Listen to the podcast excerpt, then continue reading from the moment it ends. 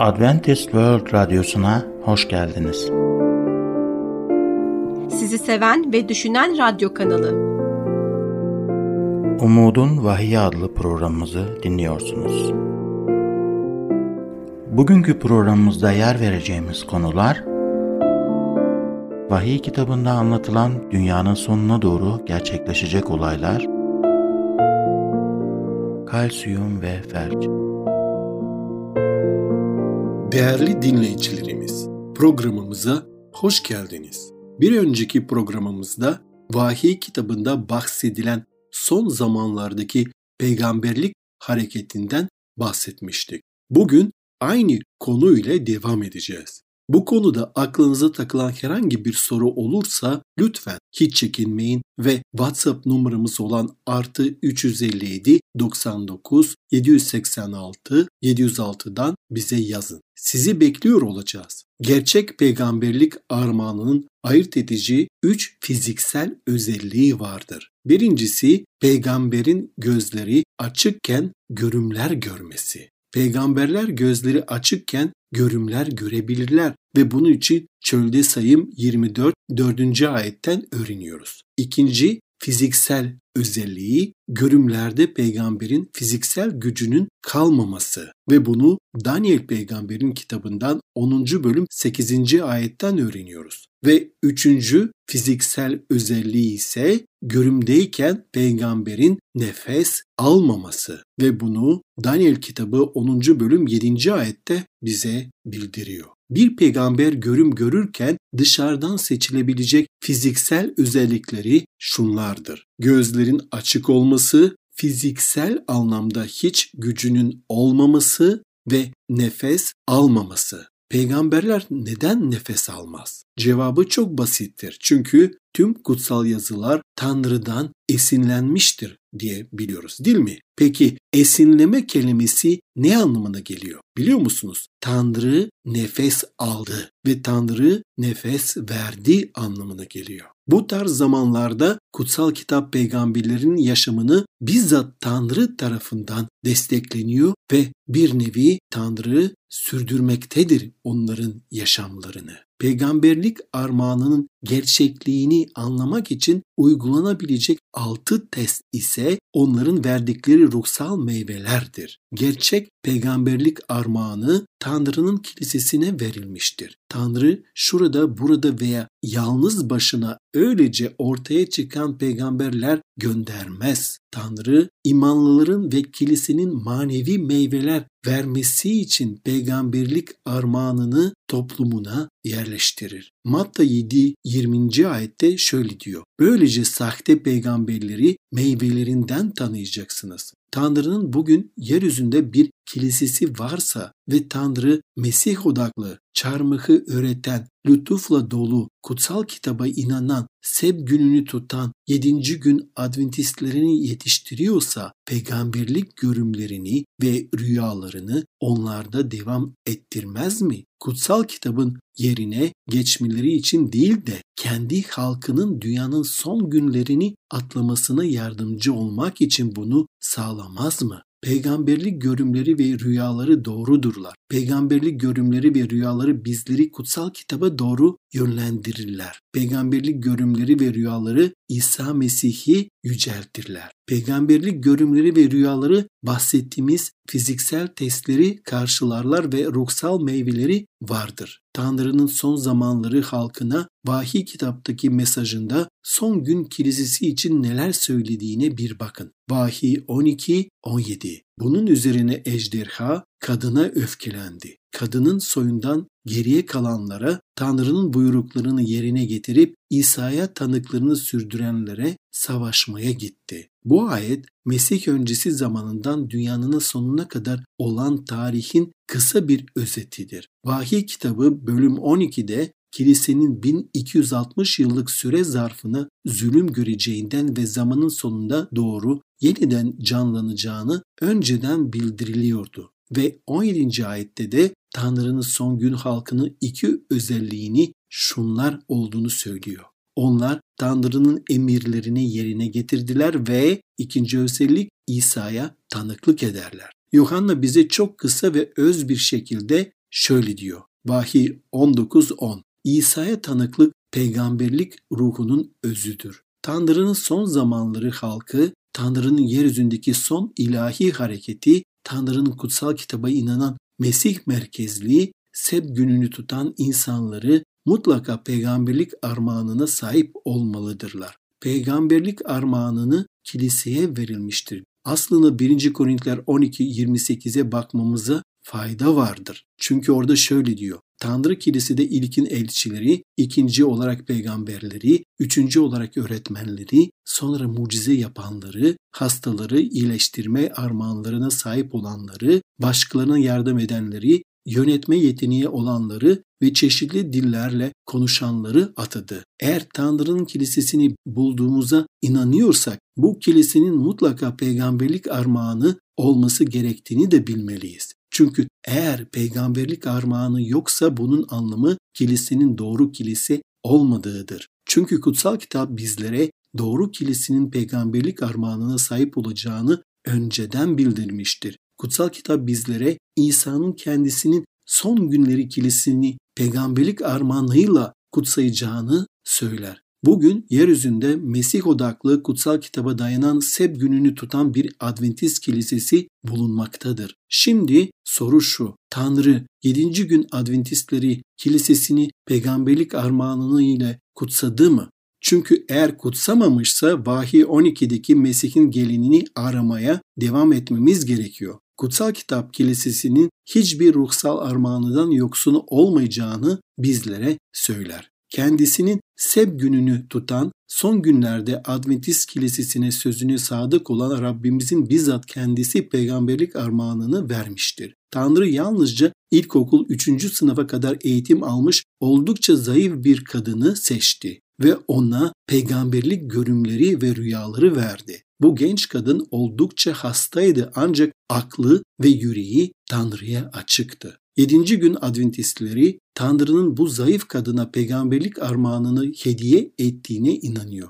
Bu kadının adı ise Ellen Gold White'ır. Tanrı ona 2000'den fazla peygamberlik görümü ve rüyası vermiştir ve o 50'den fazla kitap yazmıştır. Üç kıtada binlerce kişiye ders vermiştir. Ellen White'ın hayatını son yılları Kaliforniya'da geçmiştir. Kaliforniya Romantik ve Güzel isimli eserinde kesinlikle bir yedinci gün Adventisti olmayan tarihçi George Wharton James bu sade mütevazi tanrısal ve ruhani kadın hakkında şöyle yorum yapmıştır. Bu olağanüstü kadının kitapları neredeyse tamamen kendi kendine eğitim almış olmasına rağmen tarihteki herhangi bir kadından daha fazla dillere çevrilmiş ve çok daha büyük kitlelere ulaşmıştır. Erken yaşlarından itibaren hasta olan ve sadece 3. sınıfa kadar eğitim almış bir kadın için oldukça dikkat çekici özelliklerdir bunlar. Peygamberlik armağanı hakkında sorular olan birçok insan var. Peygamberlik armağanı verilmiş kişi kendisini kutsal kitabın yerine koyabilir mi? Örneğin 7. gün Adventistleri Ellen White'ın yazılarını kutsal kitapla eş değerde sayıyor mu? 7. gün Adventistleri kutsal kitaba inanırlar ve doktrinlerinin tek kaynağı olarak yalnızca kutsal kitabı kabul ederler. Adventist kilisesinin bütün öğretileri doğrudan kutsal kitaptan gelirler. Aynı zamanda 7. gün Adventistleri kutsal kitabın tamamına inanırlar. Kutsal kitabın Tanrı'nın kiliseye peygamberlik armağanlarını yeniden vereceğini söyleyen kısımlarını, bu peygamberlik mesajları bizi bazı günahlardan uzak durmamız konusunda kesin ve net bir şekilde uyarıyor olsa da görmezden gelmeyiz. Peygamberlik armağanına sahip olduğunu söyleyen dürüst kalpli bir erkek veya kadın kovalamadan önce onların bu söylemlerini incelememiz gerekir. Onların söylemlerini kutsal kitapta verilen testlere göre değerlendirmemiz gerekir. Hadi bu peygamberlik armağanını, gerçekliğini anlama testini Ellen White'a da uygulayalım. Eğer bu kişi gerçekten de Rab'den gelen bir elçi olduğunu kanıtlayacak olan testlere geçerse onların Tanrı'dan gelen gerçek bir ses olduğunu kabul etmemiz gerekir. Fakat eğer geçmezse onları göz ardı etmemiz gerekiyor demektir. Ellen White bu altı testten nasıl geçmektedir? Hadi buna bir bakalım. İlk test, peygamberlik sözü ön bildirinin doğruluğu ve onların gerçekleşmesi. Ellen White hangi alanlarda yazdı ve bu yazdığı alanlarda haklı çıktı mı? Ellen White'ın sık sık yazdığı konulardan biri sağlıktı. 1800'lü yıllarda yaşadığı ve yazdığı bu dönemde insanların şeker ve yağın koroner kalp hastalığına katkıda bulunduğuna dair hiçbir fikri yoktu. Fakat böylesi bir dönemde Ellen White tam tahıllar, meyveler, sert kabuklu yemişler ve sebzelerden oluşan bir diyet hakkında yazmıştı. Bu diyet tam olarak da günümüzde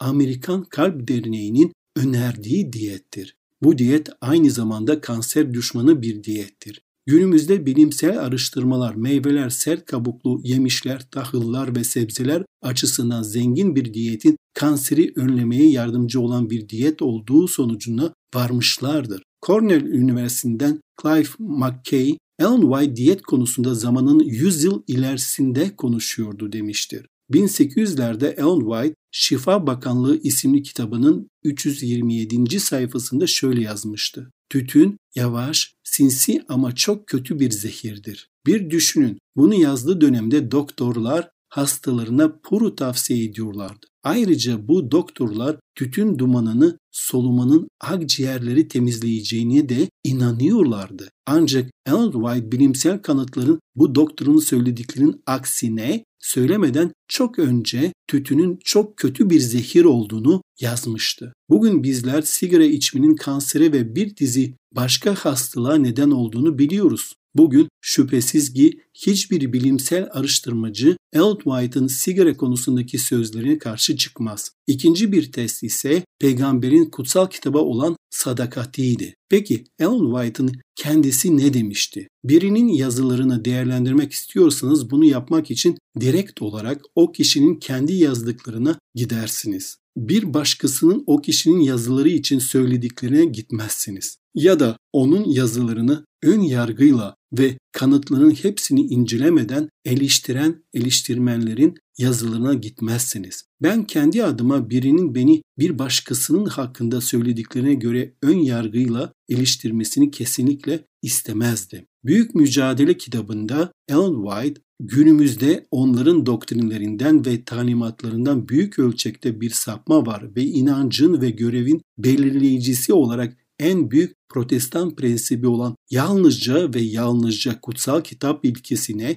büyük bir ihtiyaç var diye yazmıştır. Yani Latincesi sola scriptura. Devam etmeden önce herhangi bir sorunuz olursa diye WhatsApp numaramız olan artı 357 99 786 706'yı hatırlatmak istiyorum. Bugün sizler de her şeyin belirleyicisi olarak kutsal kitaba dönmemiz gerektiği ilkesine katılıyor musunuz? Gerçek bir peygamberlik armağanı insanları kutsal kitaba geri götürür. 7. gün Adventistleri Ellen White'ın yazılarının hiçbir şekilde kutsal kitabın yerini aldığına inanmazlar. Ellen White'ın yazılarını başka bir kutsal kitap olduğuna inanmıyorlar. Tanrı'nın kiliseye bu son günlerde rehberlik etmesi için görümlerle ve rüyalarla kutsal ruh armağanını lütufla Ellen White'a verdiğine inanıyorlar.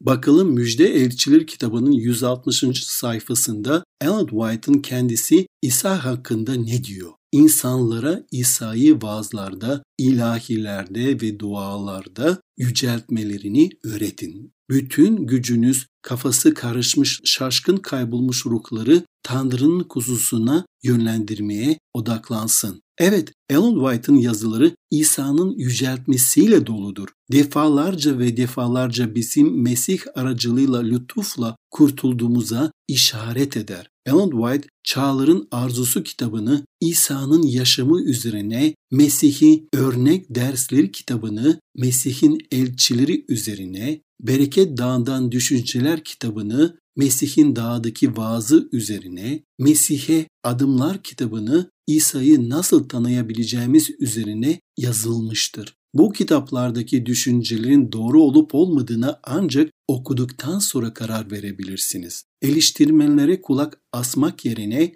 Çağların Arzusu kitabını alın ve dua ederek okuyun. Böylece kutsal ruhun kalbinize konuşup konuşmadığını öğrenebilirsiniz. Ellen White kutsal kitabın bize sunduğu bu teste geçiyor değil mi? Onun yazıları İsa'yı kurtarıcımız ve Efendimiz olarak kabul eder. Bu testten sonra dördüncü testimiz olan doğru peygamberin emirleri yerine getiren bir peygamber olması konusunda Ellen White'ın peygamberlik armağanını gerçek olup olmadığını sınayabiliriz. İsyan olduğu zamanlarda kutsal kitap peygamberleri insanlara Tanrı'nın emirlerini yerine getirmeleri için çağrıda bulunmuşlardı. Peygamberler kutsal kitapta olmayan hiçbir şeyi yapmadılar. Çünkü peygamberler hiçbir zaman kendileriyle çelişmezler. Ellen White bize Tanrı'ya itaat etmemiz için çağırır. Tanrı'nın kanunu yüceltir ve yedinci gün şabatını önemine dikkat çekmeye çalışır. İnsanları kutsal kitabı incelemeye çağırır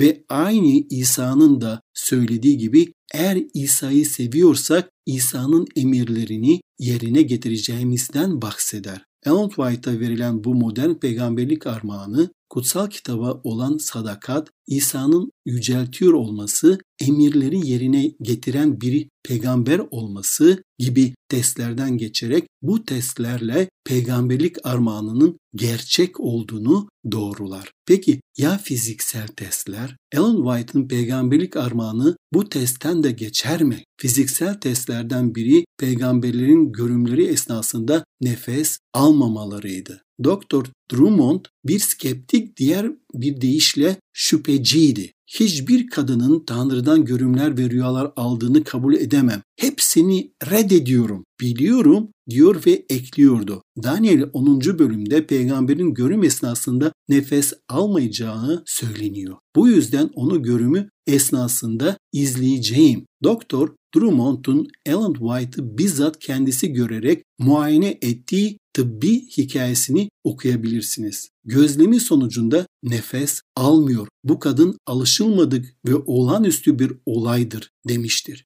Ve bu olaydan sonra Dürtmon'un kendisi de Tanrı'nın görümler ve rüyalar aracılığıyla yaptığı işlerine inanan bir imanlı oldu. Görümleri sırasında Ellen White nefes almıyor ve gözleri açık kalıyordu. Peki ya manevi meyveler? Ellen White'ın manevi meyveleri neydi? Kilise neden bugün peygamberlik armağanına ihtiyaç duyuyor? Ellen White Eğitim isimli bir kitap yazdı ve bu kitabında 7. gün Adventistleri kutsal kitaba inanan Hristiyanlar dünya çapında okullar kurmalıdırlar. Böylece Adventist gençleri insanları kutsal kitap müjdesini çağırmak için eğitilebilirler dedi. Ellen White'ın manevi meyvesi nedir? Ellen White'ın manevi meyvesi bugün dünyada bulunmakta olan en büyük protestan eğitim sistemidir. Onun kurduğu dünyanın dört bir yanındaki okula şu an bir milyondan fazla öğrenci devam etmektedir. Her yıl kilise tarafından işletilen 785 hastaneyi, kliniği, huzur evini, dispanseri, çocuk tesisleri, acil ve tıbbi danışma merkezlerinde 13 milyondan fazla ayakta tedavi gören hasta ziyaret etmektedir. Ellen White'ın peygamberlik sözü armağanından gelen yazıların meyvesi nedir diye sorarsınız. Bir diğer cevabım da dünyanın her yerinde kurulmuş olan hastanelerdir. Ellen White'ın yazıları tuhaf olayları ve çılgın bir fanatizmi ele almıyor. Ellen White'ın yazıları dünyayı daha iyi bir hale getiriyorlar. Ellen White'ın rüyaları ve görümleri kilisenin dünya çapında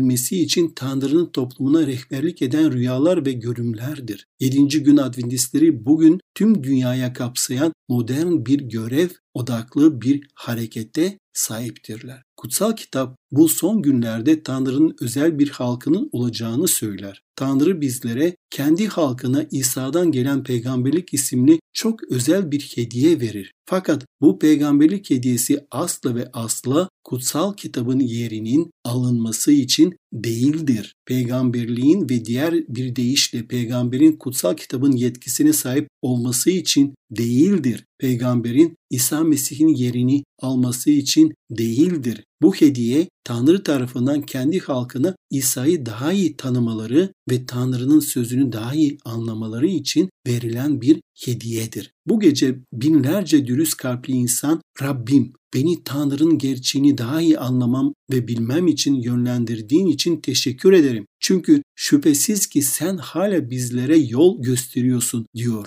Bu gece siz de kalbinizde Tanrı'ya şükürler olsun ki o beni hala yönlendiriyor. Rabbim bana hala rehberlik ettiğin için teşekkür ederim. Beni senin insanların doğru yönlendirdiğin için teşekkür ederim. Benim hayatıma yön verdiğin için teşekkür ederim demeye karar vermek ister misiniz? Bugünkü bölümle ilgili herhangi bir sorunuz varsa ya da vahiy kitabında anlatılan peygamberlik hareketine dair daha çok şey öğrenmek istiyorsanız veya özel bir duaya ihtiyaç duyuyorsanız lütfen hiç çekinmeyin ve hemen bize WhatsApp numaramız olan artı 357 99 786 706'dan veya e-mail adresimiz olan radyo.umuttv.org adresinden ulaşın. Sizi bekliyoruz. Bugünkü konumuzun sonuna geldik. Şimdi sağlıkla ilgili konumuzla programımıza devam edeceğiz. Bizi dinlemeye devam edin. Görüşmek üzere.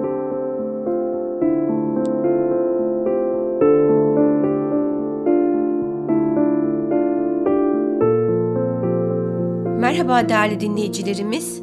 Sağlık programımıza hoş geldiniz. Bugünkü sağlık konumuz kalsiyum ve felç. Evet, son zamanlarda arterlerdeki kalsiyumun ölçülmesi ve bunun felç riskinin tahmininde ne kadar kullanışlı olduğunu çok duymaya başladık. Ailesinde felç geçmişi olanlar bu konuda özellikle risk grubundadırlar.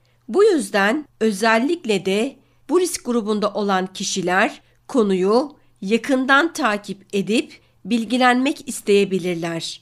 Devam etmeden önce konumuza dair herhangi bir sorunuz olursa diye WhatsApp numaramız olan artı 357 99 786 706'yı sizlerle paylaşmak istiyorum.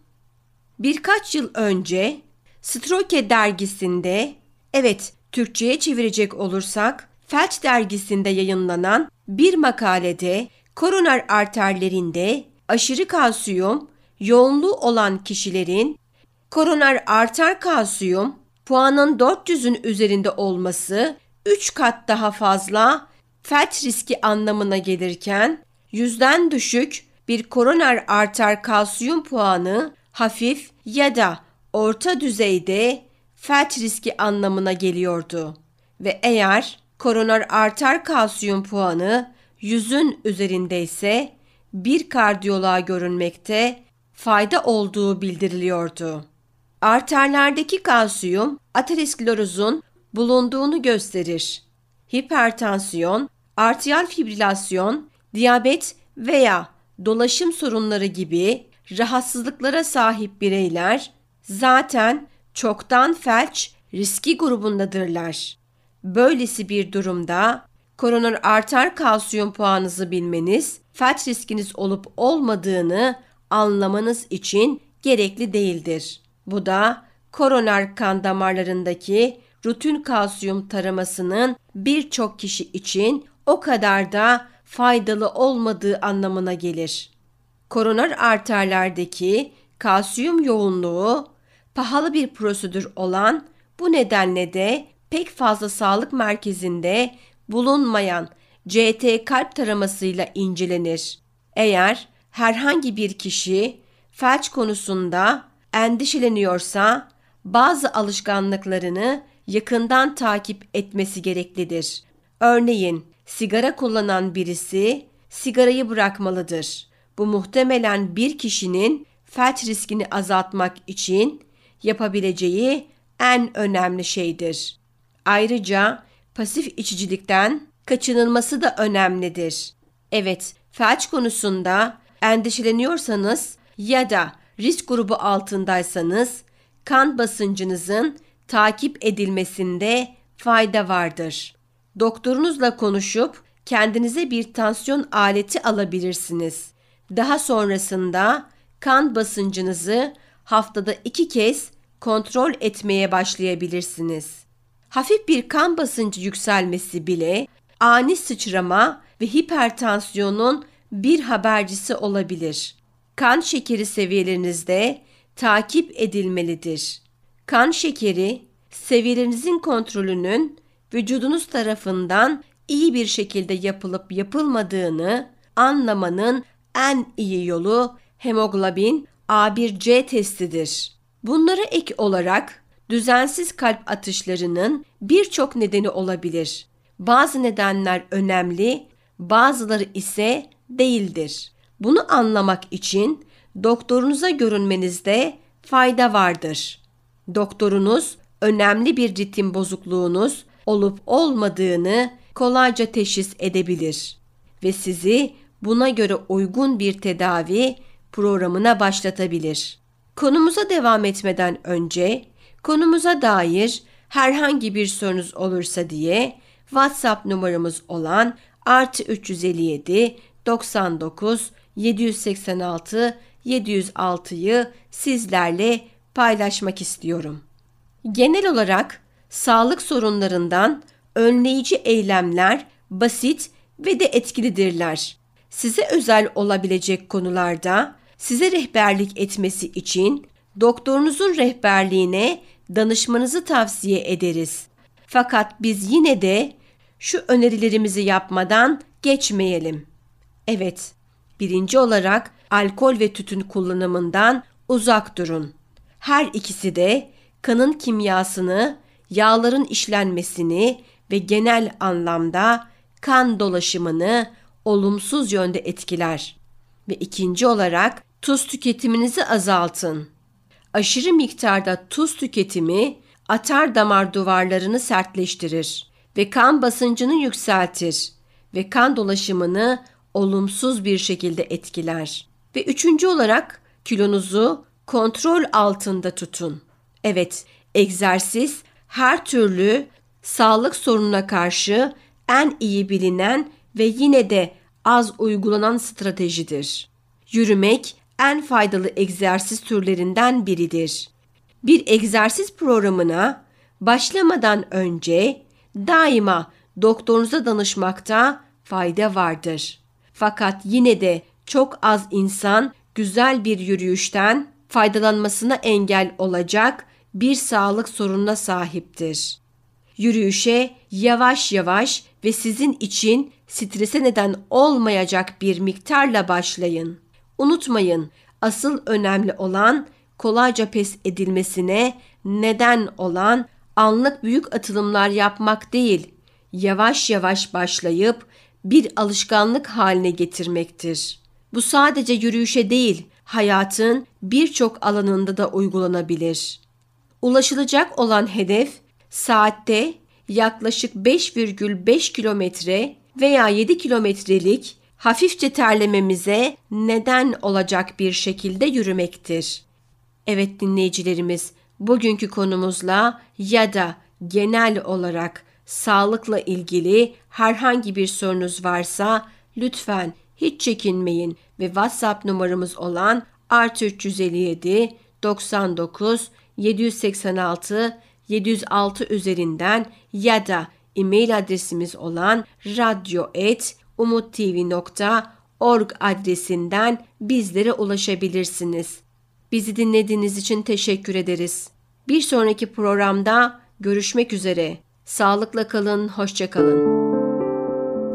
Gelecek programımızda yer vereceğimiz konular Gelecek için umut ve astım.